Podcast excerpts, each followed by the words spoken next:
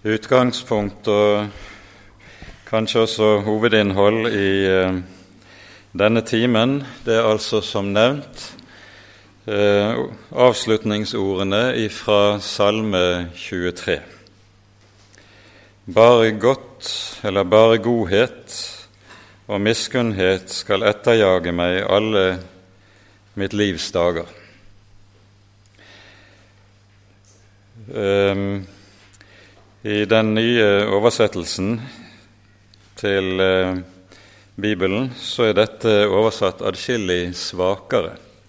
Der står det 'bare godt og miskunn skal følge meg alle mitt livs dager'. Poenget med det gamle ordet 'efterjage' det er at i grunnteksten så anvendes et ord som bokstavelig betyr å forfølge. Eh, man forfølger sin fiende, og eh, det er dette Herren eh, gjør slik det beskrives her. Han jager. Bare godt og miskunn skal jage meg, kunne vi godt omsette det for å gjøre det litt mer eh, dagsaktuelt språk, skal jage meg. Her er det tale om en jagen som ikke vil slippe deg unna. Og det er nettopp det som ligger i dette begrepet i denne sammenhengen. Når eh, David skriver Salme 23, så kan vel disse ordene ses som en sammenfatning av hele innholdet i salmen. Herren er min hyrde, jeg mangler intet. Grunntekstens uttrykk her det er enda skarpere, og det er ikke så lett å oversette. Herren er min hyrde. Det å lide mangel kan ikke sies om meg en, nøyaktig gjengivelse av det som er grunntekstens ordlyd. Han lar meg ligge i grønne enger. Han leder meg til hvilens vann. Han fører meg på rettferdighetsstier for sitt navns skyld. Han omvender min sjel. Om jeg enn skulle vandre i dødsskyggens dal, selv der selv der jager Herrens godhet og miskunnhet David. Bildet som anvendes i Salme 103, det er jo et bilde vi finner hyppig i Bibelen. Herren er hyrden, Guds folk er saueflokken, som han gjeter, som han tar seg av. Vi sier jo av og til 'dum som en sau'. Det er ikke fordi sauen er spesielt dum. Den er avbildet, eller er bildet på Guds folk i Den hellige skrift. Men det er et par andre egenskaper ved sauen som ligger til grunn nettopp for dette bildet. Det ene er det at sauen, overlatt til seg selv, er ute av stand til å finne frem på egen hånd.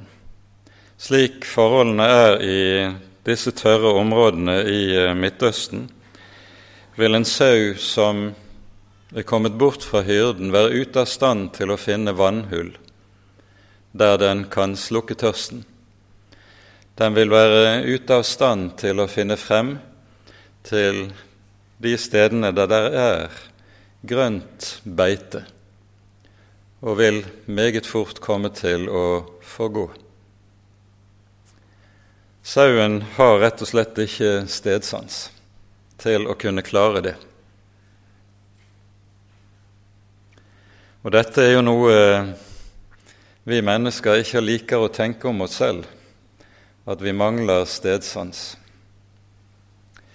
Men når det gjelder det som Guds ord dreier seg om, så er det nettopp slik at du og jeg mangler stedsans. Vi er ute av stand til å finne vei på egen hånd.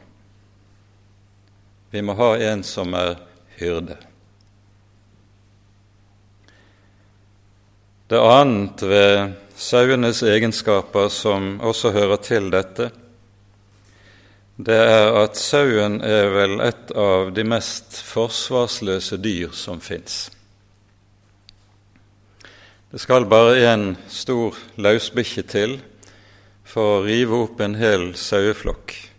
Vi hører, kan av og til i avisen se hvordan en løsbikkje har kommet inn på området og tatt livet av ikke få og skadet enda flere sauer. Sauen er hjelpeløs eller forsvarsløs i møte med villdyr. Og i slike områder som vi har for oss her i Midtøsten, og som vi leser om i Den hellige skrift, så vil en sau uten hyrde være fullstendig hjelpeløs. Hyrden er dens forsvar. Hyrden er den som borger for sauens liv. Vi liker ikke å tenke om oss selv at vi er hjelpeløse. Vi liker helst å tenke om oss selv at vi klarer oss greit på egen hånd og kan eh, klare kampene i livet på egen hånd.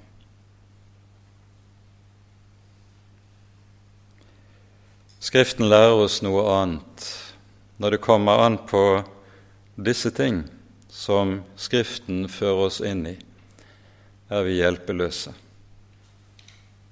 Men det å se og erkjenne det, det sitter langt inne, ikke minst hos det moderne mennesket. Og så er saken den, slik også vi ser tydelig i Den hellige skrift, det er at jo større mennesket blir, jo mindre blir Han som er Herre og Gud. Jo større vi mennesker blir, jo mindre er vi også i stand til å se hvem den levende Gud er i hans store nådegjerninger. Og så er dette så typisk for det moderne mennesket. Gud er blitt så liten. Han er ikke en vi har synderlig bruk for, for vi greier oss så utmerket godt på egen hånd. Hvem er Herren? skulle jeg trenge ham? For det handler jo for det moderne menneskets del om å tro på seg selv. Bare du har tilstrekkelig tro på deg selv, så klarer du brasene i livet. Og så vet vi at det som dermed også er Guds måte å arbeide på, hvis han i det hele tatt skal få slippe inn og slippe til, det dreier seg om å knekke denne selvstorhet, denne innbilning om at hva vi er når vi tror vi klarer oss på egen hånd. Det er mangt vi kan klare, men i de saker som Skriften taler om, er vi små og er vi hjelpeløse. Og så ser vi derfor også at Skriften lærer så tydelig at det er bare de som er små, som er i stand til å se. Som er i stand til å se underet, i stand til å se og verdsette hvem den hellige Gud er som bøyer seg ned til oss. Jeg priser deg, Fader, himmelens og jordens skaper, fordi du har skjult dette for de vise og forstandige, men åpenbart for de umyndige. De umyndige, det er nettopp de små og de hjelpeløse, de som Jesus taler om allerede i innledningen til bergpreken når han innleder denne med ordene Salige er de fattige i ånden, for himlenes rike er deres. Fattige i ånden er nettopp de som ikke har noe å fare med. Når de står for den levende Guds øyne, så står de med tomme hender. Så står de der som slike som må slå øynene ned i skam. De er det som gis å se. De er det som gis å gripe. Mens til eh, fariseerne, som jo mente de behersket det hele, sier Jesus, hører vi Jesus i Johannes, slutten av Johannes evangeliets niende kapittel si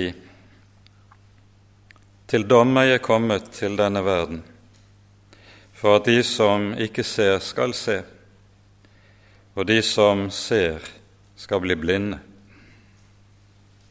Noen av fariseerne som var der sammen med ham, hørte dette og sa til ham, Vi er vel kanskje blinde, vi òg?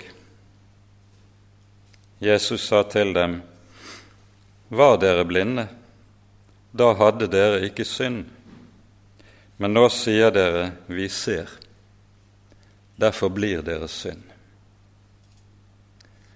Og slik snur Herren tingene på hodet.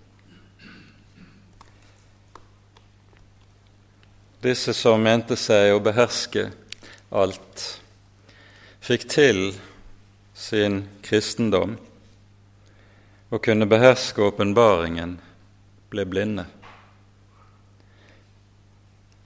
Mens han som var født blind, som jo dette kapitlet handler om, gis synet, han får se.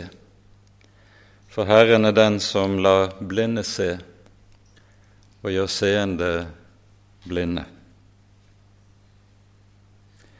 Dette er noe av bakgrunnsperspektivet både på Salme 23 og på alt det som har med livet i Herren å gjøre. Og Når det står i eh, overskriften til kveldens foredrag 'Guds ubegripelige nådegjerninger', så er det nettopp dette ubegripelige som vi skal se om vi kan eh, stanse litt opp for. Um, for det som jo sies om Herren Jesus når han føres inn i verden, i profetiene i Jesaja 9 et barn er oss født, en sønn er oss gitt, herredømme er på hans skulder, og han skal kalles Under. Det første navn han nevnes ved, det er altså navnet Under.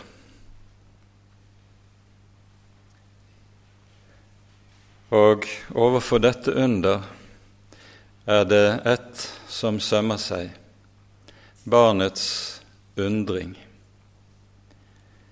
Her er det ikke tale om en som er blitt vant til alt, og liksom kjeder seg når han har hørt og sett det aller meste som han mener han kan gjøre det i åpenbaringen. Enkelte har det med det at de er blitt så vant til all kristen tale at de kjeder seg og så skal man høre noe nytt. For dem er underet i åpenbaringen, underet i nåden, blitt borte, idet de selv er blitt så store at de i stedet kan beherske det hele. Vi skal se litt på hvorledes Skriften understreker underet, og som gjør, og gjør, som gjør at vi i innledningen til Salme 145 hører ordene Stor er Herren og høylovet. Hans storhet er uransakelig.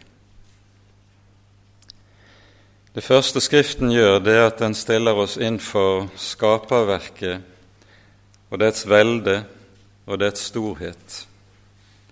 I Salme 8 leser vi ordene Herre vår Herre, hvor herlig ditt navn er over hele jorden, du som har utbredt din prakt over himmelen. Når jeg ser din himmel, dine fingres verk, månen og stjernene som du har satt der, hva er da et menneske, at du kommer ham i hu, en menneskesønn, at du ser til ham?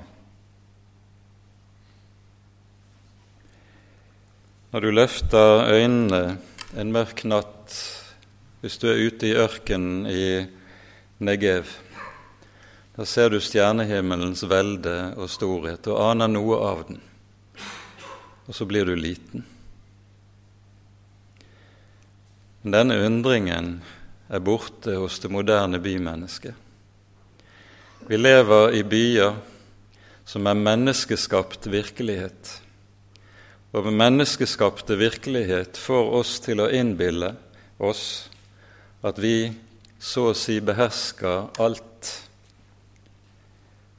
Det er de mennesker som lever i nærkontakt med naturens velde, som kan ane noe av dette de som opplever stormens forferdelige gjerninger ute ved kysten.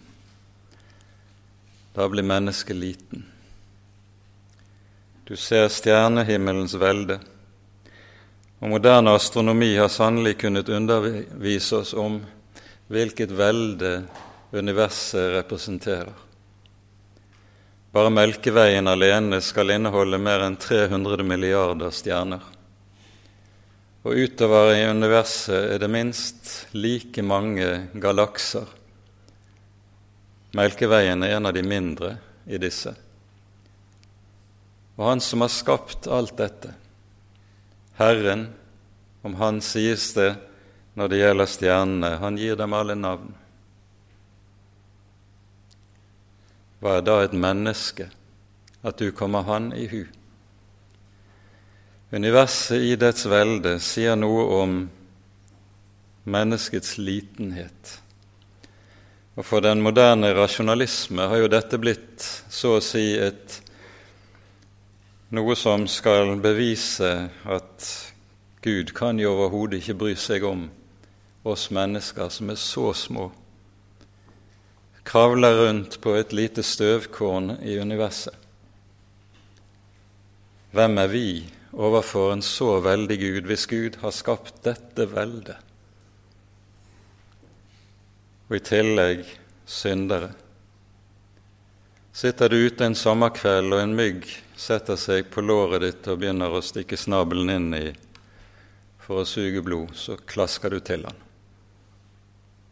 Vi er langt mindre enn en slik mygg som har krenket den allmektige. Og likevel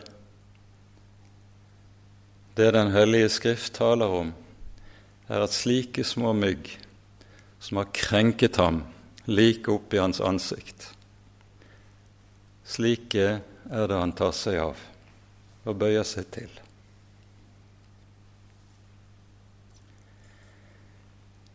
Naturens velde sier noe om Hans velde som har skapt alt, og om vår litenhet. Det annet som Skriften peker på med stor tyngde, det er hva menneskets synd egentlig innebærer i møte med Han som er den hellige. Synden slik den har tatt herredømme i våre liv og i våre hjerter, representerer en avgrunn langt, langt dypere enn noen av oss har lyst til å se ned i når vi ser ned i våre egne hjerter. Av og til får vi se glimt av det se glimt av hva som bor i oss, og så rygger vi tilbake i forferdelse. Enn mer når vi får se noe av hvem den hellige er som vi så har krenket. For det er jo dette som vi minnes om i synsbekjennelsen ved innledningen til hver eneste gudstjeneste. Jeg har krenket deg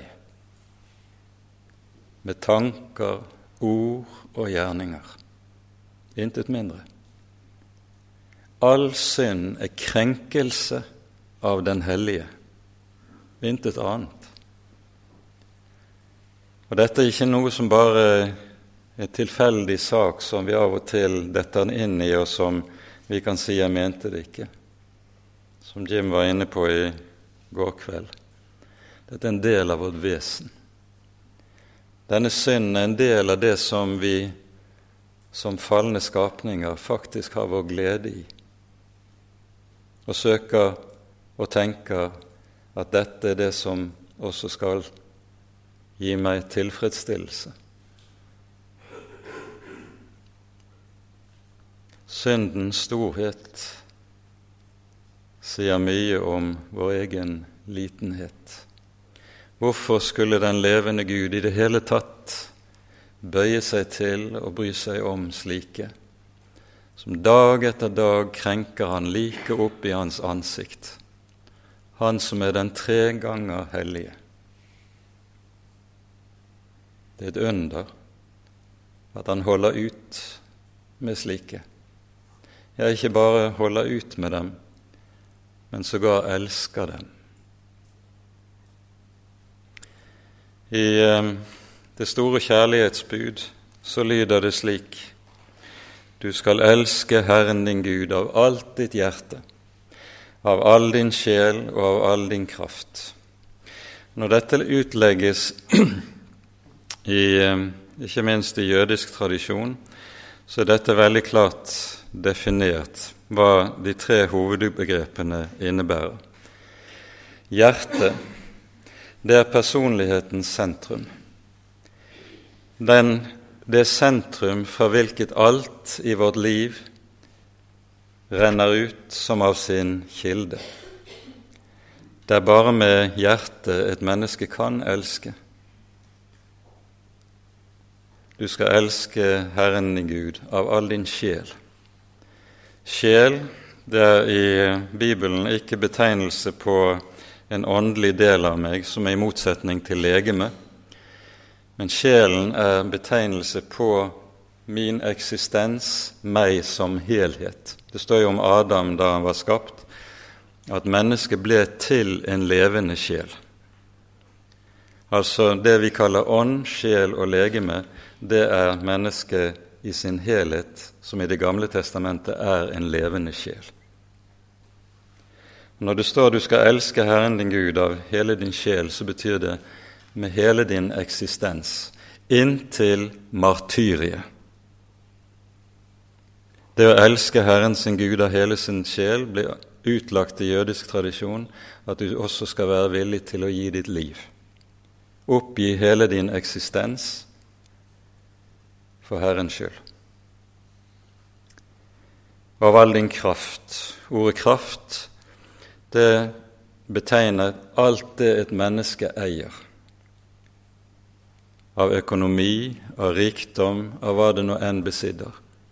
For Herrens skyld skulle et menneske være villig til, om så var, å oppgi det alt sammen.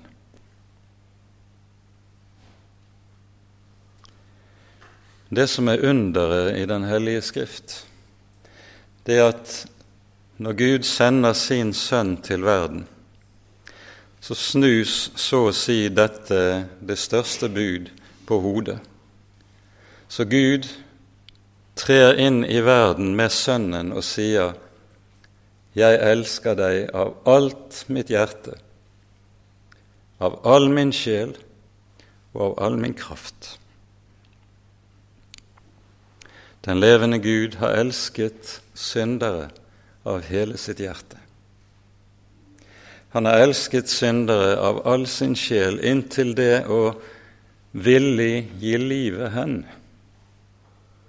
for syndere. For dette er jo evangeliet. Evangeliet består ikke i fortellingen om hvorledes tapre martyrer gir sitt liv for Guds skyld, men det består av hvorledes Gud gir livet for menneskets skyld. Det er underet. Og han gir livet ikke for fromme og tapre mennesker, men han gir det for syndere. Onde syndere, ugudelige syndere, troløse syndere, skitne syndere, ondskapsfulle syndere. Det er slike han gir livet for. Det er underet. Og han elsker av all sin kraft. Dere kjenner vår Herre Jesu Kristi nåde, at han for deres skyld ble fattig da han var rik, for at dere ved hans fattigdom skulle bli rike.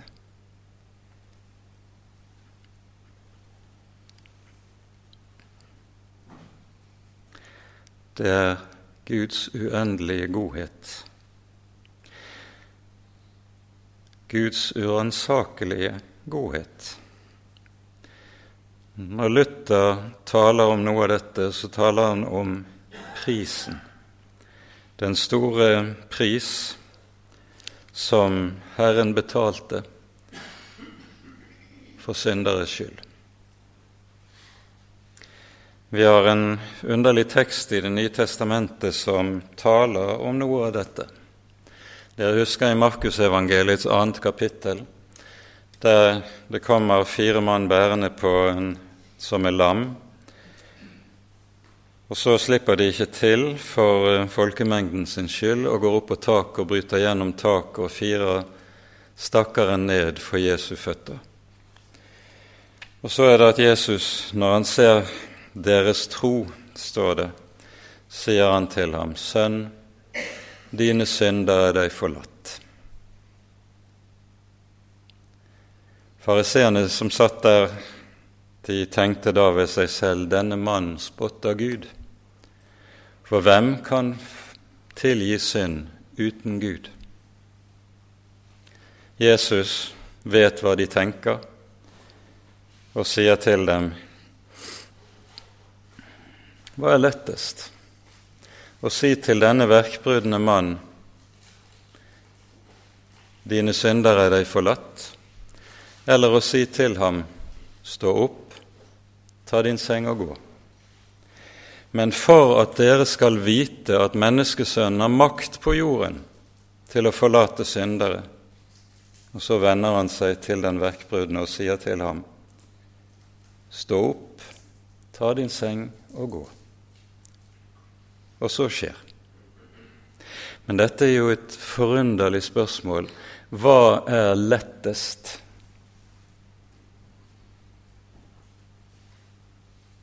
Hadde du og jeg fått et sånt spørsmål, så er det klart at for oss hadde det vært det letteste ting av verden å si til et annet menneske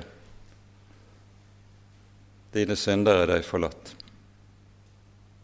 Men å si til en som er lam fra mors liv Stå opp, ta din seng og gå. Der vil alle kunne se og kontrollere om det er hold i ordene mine. For meg er det umulig å kunne si det siste, men ganske lett kan det første komme over mine lepper. For Jesus er saken annerledes. For han koster det ikke det aller minste å si til den verkbrudne, stå opp, ta din seng og gå. Og han er jo den ved hvem himmel og jord ble skapt. Han er den som i begynnelsen talte og sa 'bli lys', og det ble lys. Å skape alt det har ikke kostet ham det aller minste. Han talte, og det skjedde. Han bød, og det sto der. Men det å kunne si 'dine synder er deg forlatt', det har kostet han livet. Det er ikke lett for Jesus å si.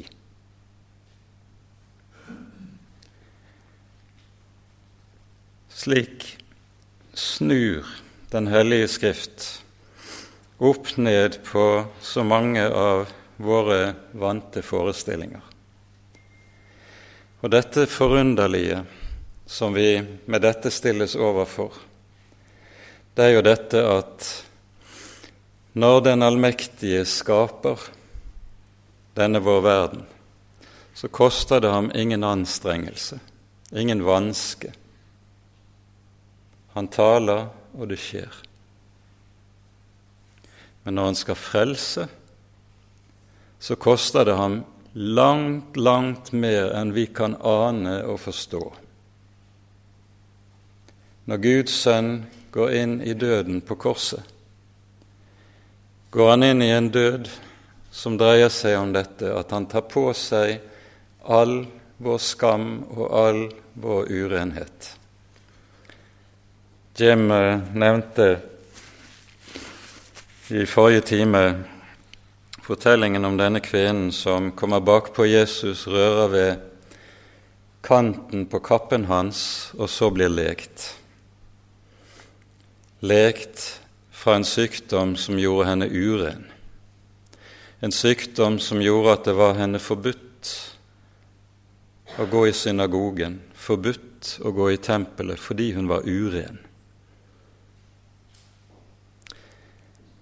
Men den slags urenhet som det her er tale om, den var også slik at ifølge Moselov så blir alt det en slik kvinne rører ved, også urent.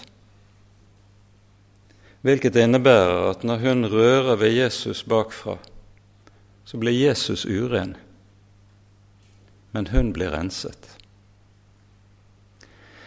Og nettopp dette er det som skjer på korset.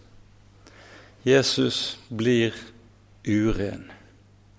Han blir pålagt hele vår urenhet, vår ondskap, vår synd og vår skam.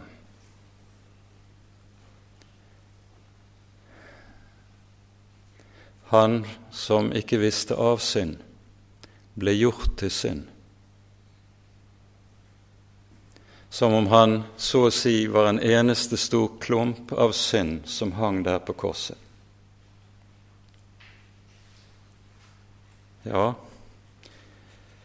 Guds frelsesgjerning er uransakelig. Vi kan bare glimtvis ane storheten og dybden i dette.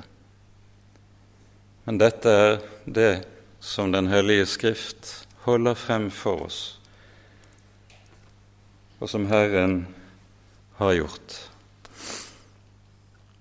Det er også slik at det som kanskje også like, gir like stor grunn til undring, er den trofasthet Herren fortsetter å vise mot sine.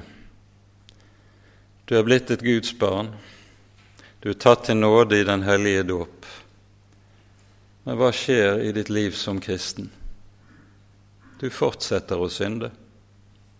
Du fortsetter å falle. På det ene området av livet etter det andre kommer du til kort. Du får slett ikke til å leve som kristen slik du vet at du skulle, og du vet at du burde. Og sånn kommer tanken der uvegerlig. Før eller senere må vel Han som er Herre og Gud, bli trøtt. Bli trøtt av meg.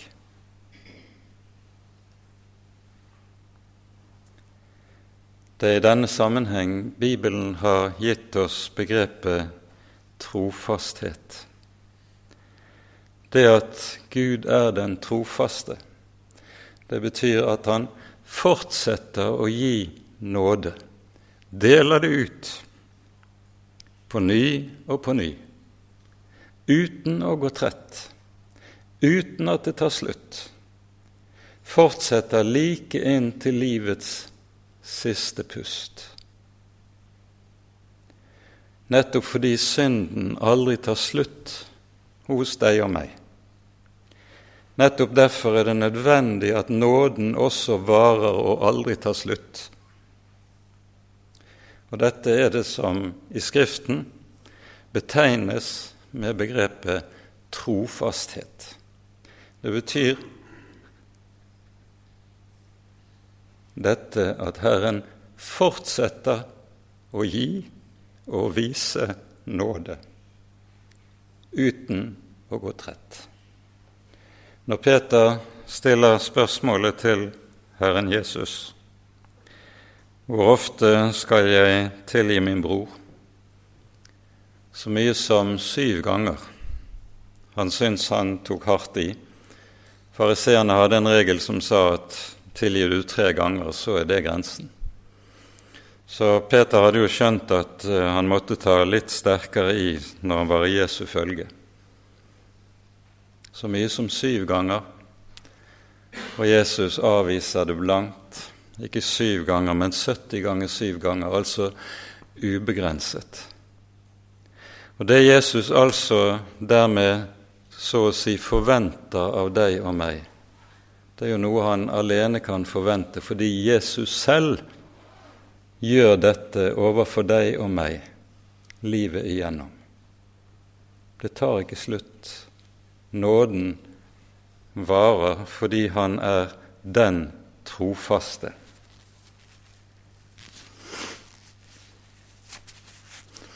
Dette Guds under, det er noe som vi på ny og på ny får lov til å se inn i. Men ofte er det på det vis at det skjer gjennom nød og gjennom trengsel. For dette er Guds måte å arbeide på. Han eh, fører oss inn under korset, og korset har det med seg at det gjør oss små, og det gjør oss hjelpeløse. Jim eh, nevnte ordene i eh, Salme 46 i forrige time. Gud er vår tilflukt og vår styrke i trengsel. Men den eh, hebraiske grunnteksten den peker på noe som går videre. Det står egentlig slik Gud er vår tilflukt og vår styrke. En hjelp i trengsel funnet såre stor. Altså det er gjennom trengselen en begynner å se og ane Hans storhet som er Herre. Der blir vi selv små. Der blir vi selv hjelpeløse.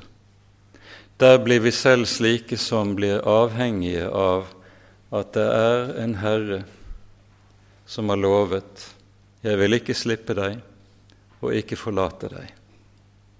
Og Nettopp dette skal en fattig synder få lov til å be om livet igjennom. Herre, slipp meg ikke. Du vet hvordan jeg er. Du ser hva for et dårlig papir du har med å gjøre. Herre, slipp meg ikke. Herre, forlat meg ikke. Og det er det som er løftet, at om synden er vara ved, så er nåden enda større. Til Israels folk lyder det etter at de har falt og falt og sviktet gjennom århundrer. Du har bare trettet meg med dine synder. Du har bare plaget meg med dine mange misgjerninger. Jeg, jeg er den som utsletter dine misgjerninger, og dine synder kommer jeg ikke mer i hu. Å forstå dette er meg forunderlig, men dette er nådens store rikdom. Og gjennom slikt er det Herren begynner å bli stor. for et menneske. Når Jesus trer inn i verden, engelen Gabriel kommer til Maria med ordene 'Han skal være stor' og kalles den høyestes sønn. Så er det slik at disse ordene 'å være stor' det er ord som i Skriften anvendes om Herren. Når mennesker blir store, så er det hovmod. Det er fallets hybris som gjør seg gjeldende. Du skal bli like som Gud.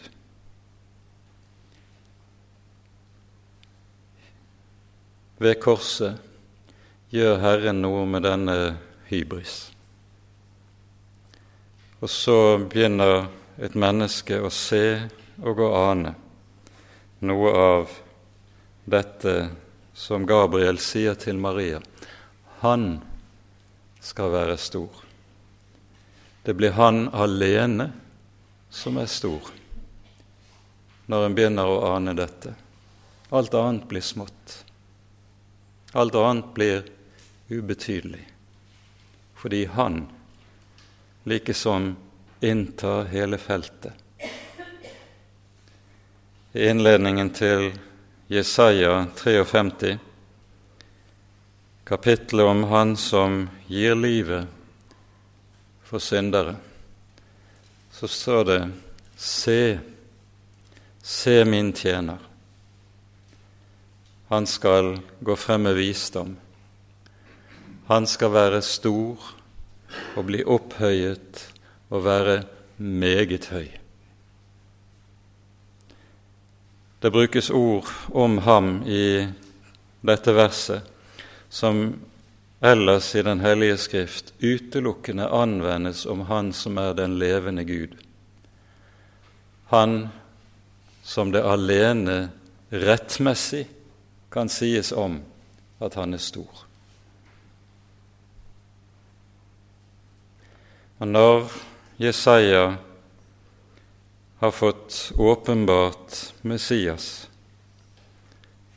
han som samler hedningene, som hønemor samler kyllingen under sine vinger, så lyder lovsangen i Jesajas tolvte kapittel, og den munner ut i følgende ord.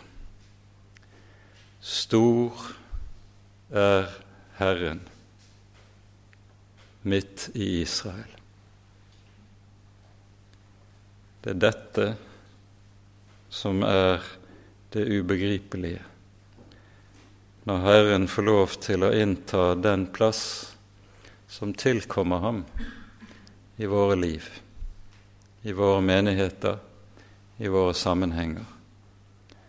Da er han alene stor. Ære være Faderen og Sønnen og Den hellige ånd, som var og er og være skal en sann Gud, høylovet i evighet. Amen.